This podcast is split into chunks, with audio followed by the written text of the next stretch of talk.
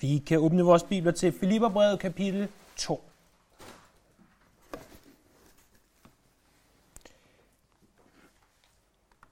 I det vi kommer til kapitel 2, så husker vi tilbage på, at overskriften for hele Filipperbrevet er det at være som Jesus.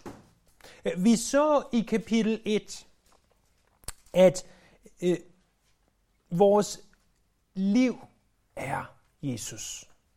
Livet, selve livet, det er Jesus. Og nu ser vi, at Jesus i kapitel 2 er vores eksempel. Mere specifikt er et eksempel på enhed og ydmyghed. De første fire vers, de udgør en lang sætning. Og i vers 1, der stiller Paulus fire spørgsmål. Han siger, hvis sådan og sådan, hvis sådan og sådan, hvis sådan og sådan, hvis sådan og sådan, hvis alt det er rigtigt. Og, og så siger han i vers 2, hvis nu det er rigtigt, så gør min glæde fuldstændig. Øh, hvordan gør vi så glæden fuldstændig? Jo, det er det vers 2, 3 og 4 svarer på. Øh, det gør vi øh, i, at vi som kirke som menighed har enhed, øh, ydmyghed og hjælpsomhed. Så han siger, hvis de her fire ting er rigtige i vers 1, øh, så kan I gøre min glæde fuldstændig ved at have enhed, ydmyghed og hjælpsomhed. Vi kunne godt give overskriften for de her fire vers titlen, øh, hvordan du gør din pastor glad. Øhm, I det, at Paulus var en form for pastor eller grundlægger for menigheden i Filippi. Og det er altså det, vi ser der i vers 2, kapitel 2, vers 2. Øh, hvis alt det her er rigtigt, vers 1, så gør min glæde fuldstændig ved at have det samme sind og så videre. Vers 2-4 er altså, hvordan vi, hvordan det, at han bliver gjort glad, kommer til udtryk i vores liv. Men grundlaget for, at han kan være glad, det er det, vi ser i vers 1. Øh, det er fire ting, som har påvirket vores liv. Han siger, hvis de her fire ting har påvirket jeres liv, hvis I kan ikke genkende til, at det her er rigtigt, så er det, at I kan gøre mig glad ved at have enhed, ydmyghed og hjælpsomhed.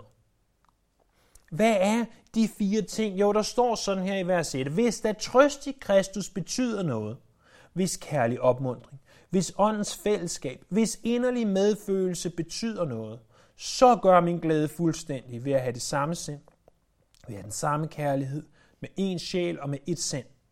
Gør intet af selviskhed og heller ikke af indbilskhed, men sæt i ydmyghed de andre højere end jer selv. Tænk ikke hver især på jeres eget, men tænk alle også på de andres vel. Og det er begyndelsen på kapitel 2. Kapitel 2 af Filipperbrevet er nok sammen med Romerbrevet kapitel 8 de to dybeste kapitler i hele det nye testamente og dermed øh, muligvis i hele Bibelen. Øh, så vi bevæger os ind på hellig grund. Det her, det er indgangsporten, om du vil, inden vi kommer øh, til versene 5 til 11 specifikt, som vi begynder at se på om et par uger.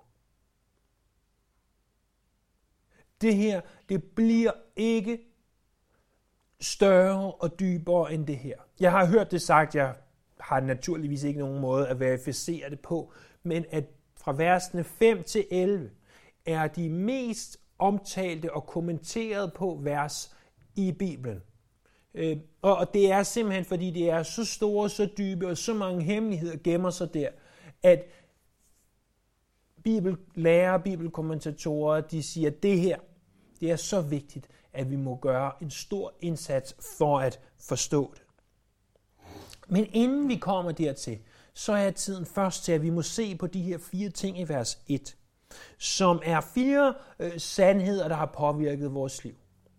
Når Paulus han siger, hvis der trøst i Kristus betyder noget, så er det ikke ordet hvis, og det er nok ikke sådan, det er.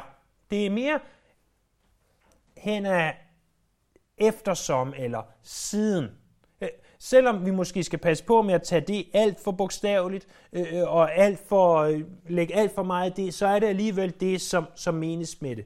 Øh, eftersom at trøst i Kristus har betydet noget for dig, eftersom at kærlig opmundring, eftersom åndens fællesskab, efter inderlig medfølelse, hvis det har betydet noget. Men stilistisk og, og rent retorisk, og det var to store ord, jeg er godt klar over, øh, så, øh, så får vi måske mere ud af at sige hvis, og derfor holder vi fast i ordet hvis. Det første, han siger, det er, hvis der trøst i Kristus betyder noget. Øh, interessant nok, så er der et overlap imellem det første her, trøst i Kristus, og kærlig opmundring. Ordbogsdefinitionen af ordet trøst, det, det græske ord, der bruges for trøst, er det at opløfte en andens ånd. At opløfte en andens ånd. Måske har du i en tidligere prædiken eller en tidligere tid i dit liv hørt Helligånden omtalt som parakletos. Øh, det taler vi om ham, når vi taler blandt andet ud fra Johannes evangeliet, hvor der står ordet talsmanden. Øh, parakletos betyder bogstaveligt, han der kommer ved siden af og trøster. Eller han der kommer ved siden af og hjælper. Øh, det ord, som bruges her for trøst i vers 1, det er øh, den samme grundstamme som det ord, der bruges for Helligånden, når det oversættes talsmand, nemlig øh, at hvis du har oplevet, at Jesus har været ved din side, og han har trøstet og opmuntret dig, det er forståelsen. Hvis nu du har oplevet det, hvis du har oplevet, at Jesus har trøstet og opmuntret dig, så skal vi sådan her. Hvad er det for en trøst, vi finder i Kristus? Der findes en, en ganske fantastisk bog, der hedder The Topical Bible. Og The Topical Bible, eller den emneinddelte bibel, den gør det, at du kan slå op under ordet trøst. Og så kan du få afskillige af de steder, der står noget om konceptet trøst. Ikke nødvendigvis ordet trøst, men konceptet. Og jeg har udvalgt tre af de steder fra salmerne. Prøv at slå op med mig først i salme 27. Vers 5. Alle tre henvisninger er fra salmernes bog. Så først 27, 5.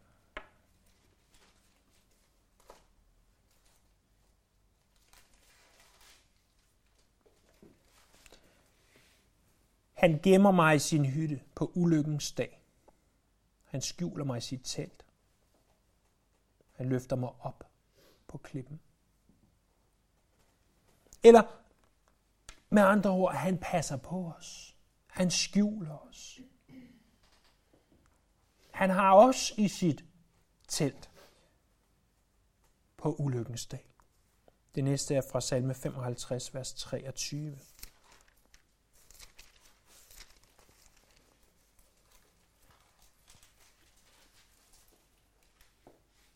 Hvordan trøster Kristus os? Det er det, vi ser på.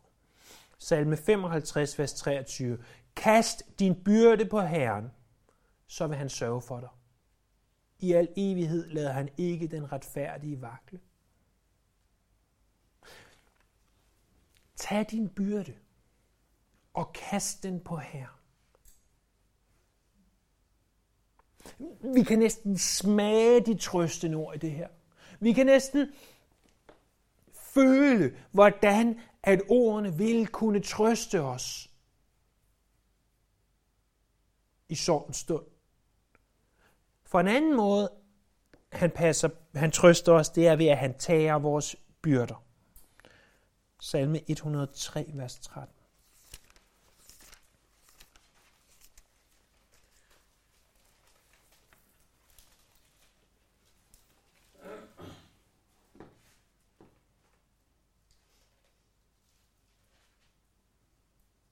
Som en far er barmhjertig imod sine børn, er Herren barmhjertig imod dem, der frygter ham.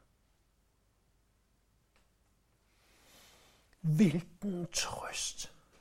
Som en far er barmhjertig imod sine børn, sådan er Herren barmhjertig imod dem, der frygter ham. Dem, der ærer ham. dem der lever efter ham. Hvilken trøst vi finder i Kristus.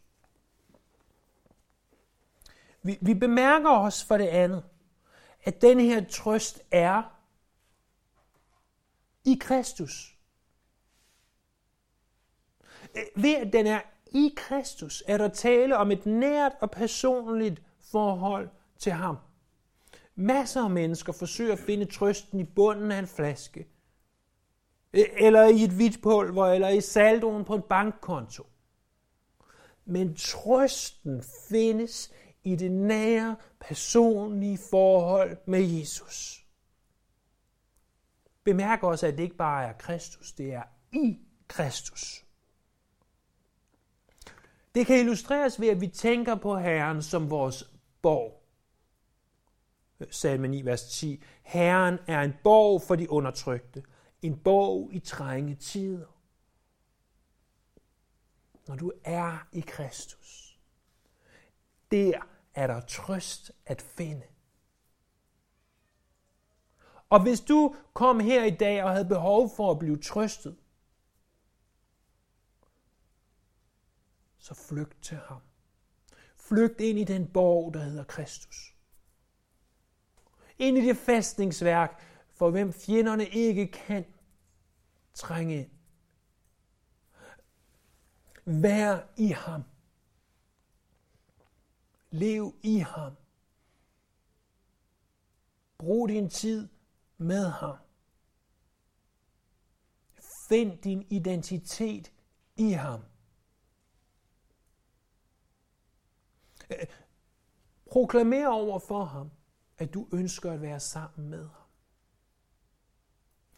Så det første, Paulus siger i Filipperbrevet kapitel 2, vers 1, det er, hvis nu trøst i Kristus øh, er noget, som du har oplevet, hvis du har blevet trøstet af Kristus, i Kristus, på en eller anden måde, hvis det betyder noget for dig,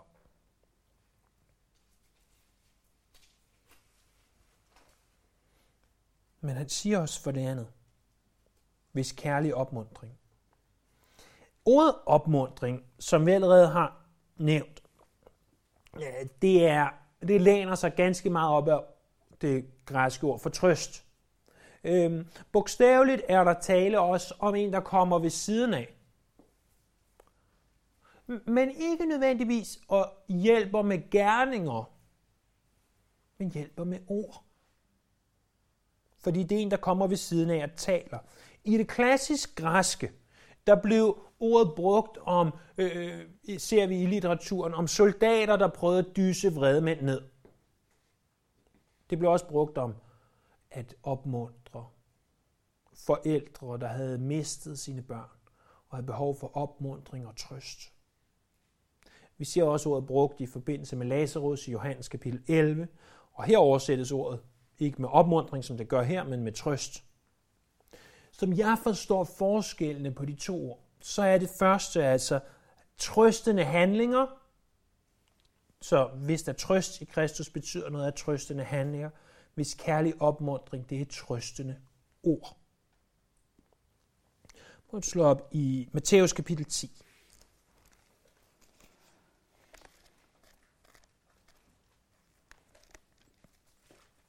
Matthæus kapitel 10 og vers 29. Her har vi nogle af de trøstende ord, som vores Herre han kom med. Matthæus kapitel 10, vers 29. Sælges ikke to spore for en skilling, og ikke en af dem falder til jorden, uden at jeres fader er med den. Men på jer selv alle hovedhår talt. Frygt derfor ikke, i mere værd end mange spore.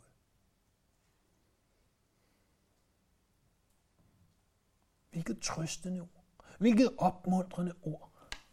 At, at når vi ser ud på fuglene, de millioner fugle, der er, at, at Gud tager sig af dem, og ikke en af dem dør, uden at Gud han ved det. På os er selv hovedhårene talt.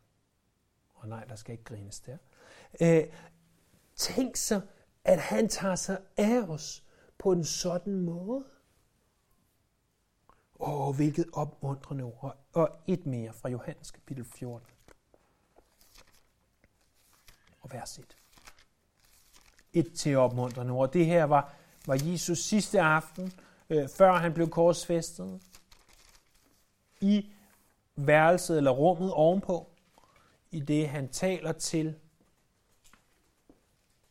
de 11 tilbageblevende apostle. 14.1 Johannes. Jeres hjerte må ikke forfærdes. Tro på Gud og tro på mig. I min faders hus er der mange boliger. Hvis ikke, vil jeg så have sagt, at jeg går bort for at gøre en plads rede for jer. Og når jeg går bort og har gjort en plads rede for jer, kommer jeg igen og tager jer til mig, for det også I skal være, hvor jeg er. Hvilket opmuntrende ord. Hvilket trøstende ord. Jeg er sikker på, at det her vers har trøstet tusinder, ti tusinder, måske millioner af mennesker, der stod på, på dødens rand, eller havde nære familiemedlemmer eller venner, som, som var døde. Det er ikke bare, at der er tale om opmundring, eller som vi måske snarere skulle definere det, trøstende ord. Der er tale om kærlig opmundring. Tilbage i Filipperbrevet kapitel 2, vers 1. Så hvis kærlig opmundring, øh, det overrasker os næppe, at ordet kærlighed er ordet agape, altså den selvopoffrende kærlighed. Ja, tænk på, hvilken trøstende opmundring Guds kærlighed kan have til dig i nødens stund. Øh, et enkelt vers fra det gamle testament, I behøver ikke nødvendigvis slå op, I har, har vist, I godt kan slå op i Bibelen nu. Uh, Jeremias kapitel 31, vers 3.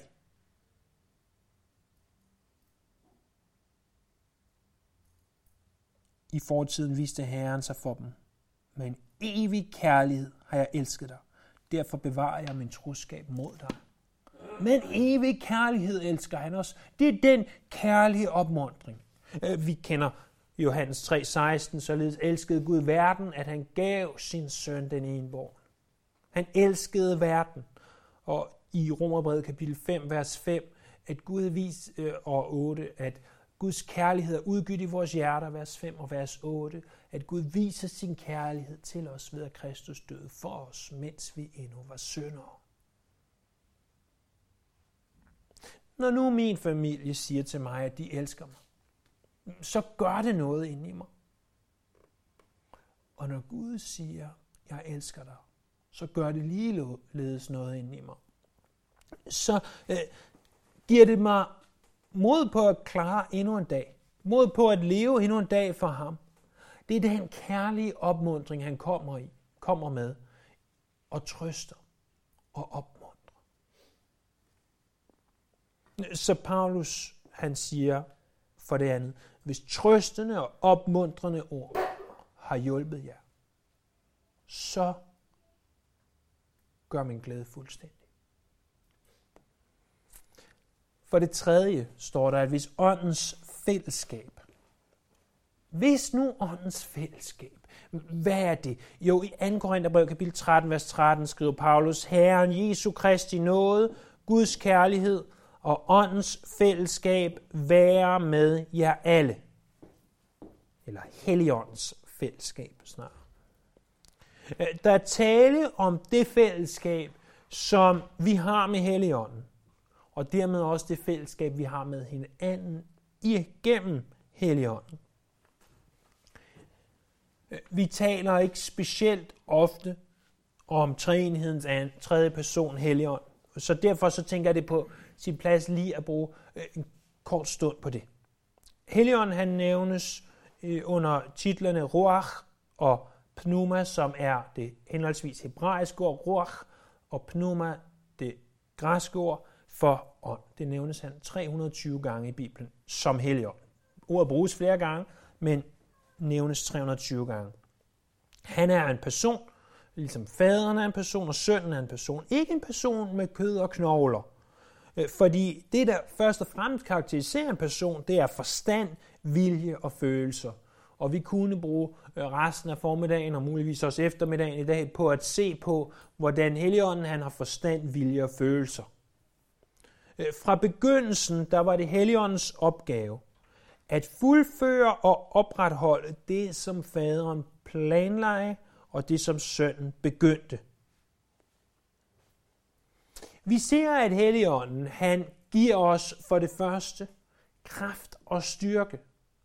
Øh, først og fremmest ved, at han giver os øh, det jordiske liv, men også det åndelige liv. Vi er født på ny ved Guds ånd. Han giver os også kraft til at tjene. Apostlenes Gerninger 1.8, I skal få kraft, når Helligånden kommer over jer, og I skal være mine vidner, siger han til apostlen. Og vi ser også, at selv Jesus behøvede åndens kraft til at gøre sin tjeneste. Der står, og Jesus vendte i åndens kraft tilbage til Galilea. Og når det gælder Jesus, at han havde behov for åndens kraft til at tjene, må ikke også det så gælder os. Vi ser også, at ånden gør os rene. Det burde ikke være den store overraskelse, at Helligånden gør os hellige. Der står i 1. Korintherbrev 6, 11. Sådan var nogle af jer engang, men I blev vasket rene, I blev hellige, I blev gjort retfærdige ved Herren Jesu Kristi navn og ved vor Guds ånd. For det tredje, så giver han os åbenbaring. Øh, først og fremmest ved, at Helligånden har givet os øh, Bibelen. Der står for ingen profeti har nogensinde lyttet i kraft af menneskers vilje, men drevet af Helligånden har mennesker sagt det, der kom fra Gud. Men også ved, at Helligånden bekræfter over for os, at vi er kristne. Øh, ånden selv vidner sammen med vores ånd om, at vi er Guds børn. Og så åbenbaring i form af åndens gaver, som vi læser om dem i 1. Korintherbrev kapitel 12 og vers 14. Men ånden giver også enhed. Fordi både jøder og hedninger bliver forenet i Jesus som kristne. Og i Efeserne kapitel 4, vers 3 tales der om åndens enhed. Og netop enhed er det, som resten af, eller en stor del af Filipperbrevet kapitel 2 handler om.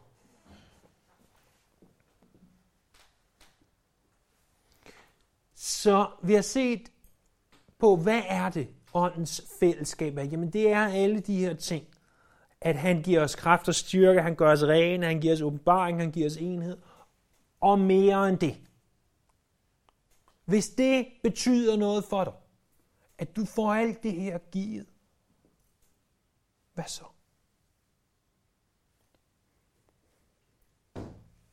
For det fjerde og sidste. Hvis nu inderlig medfølelse betyder noget, hvis det betyder noget, hvad så?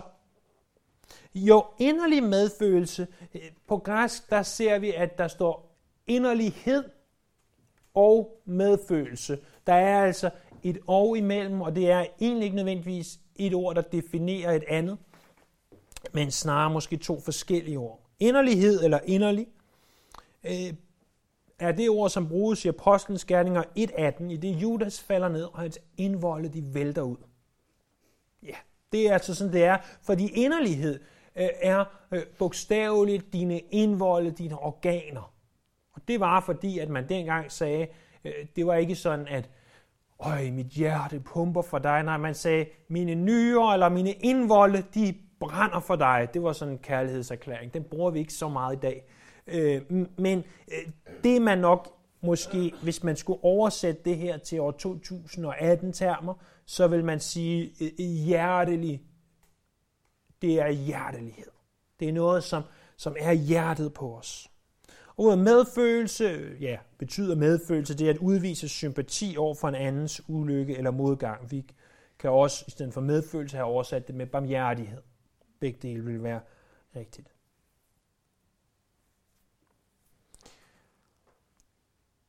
Det, som er i vores hjerter, giver sig til udtryk i barmhjertige handlinger.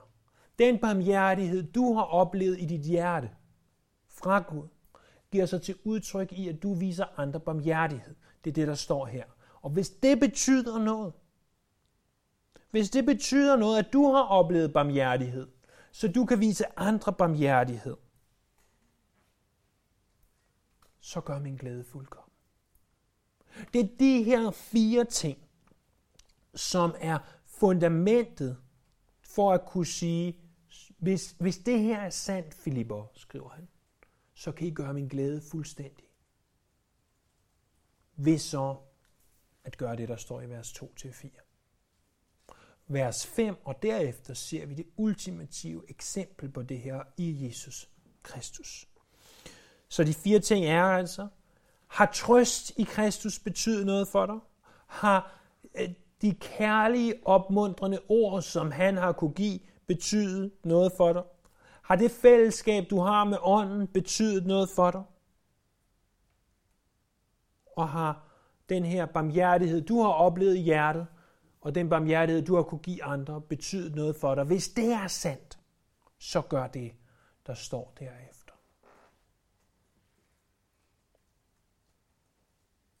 Hvis det her har betydning, så vil det påvirke dit liv, siger han med andre ord. Og så skal vi altså se næste gang på, hvordan at du så kan gøre din pastor glad øh, ved at udleve de her ting. Lad os bede sammen.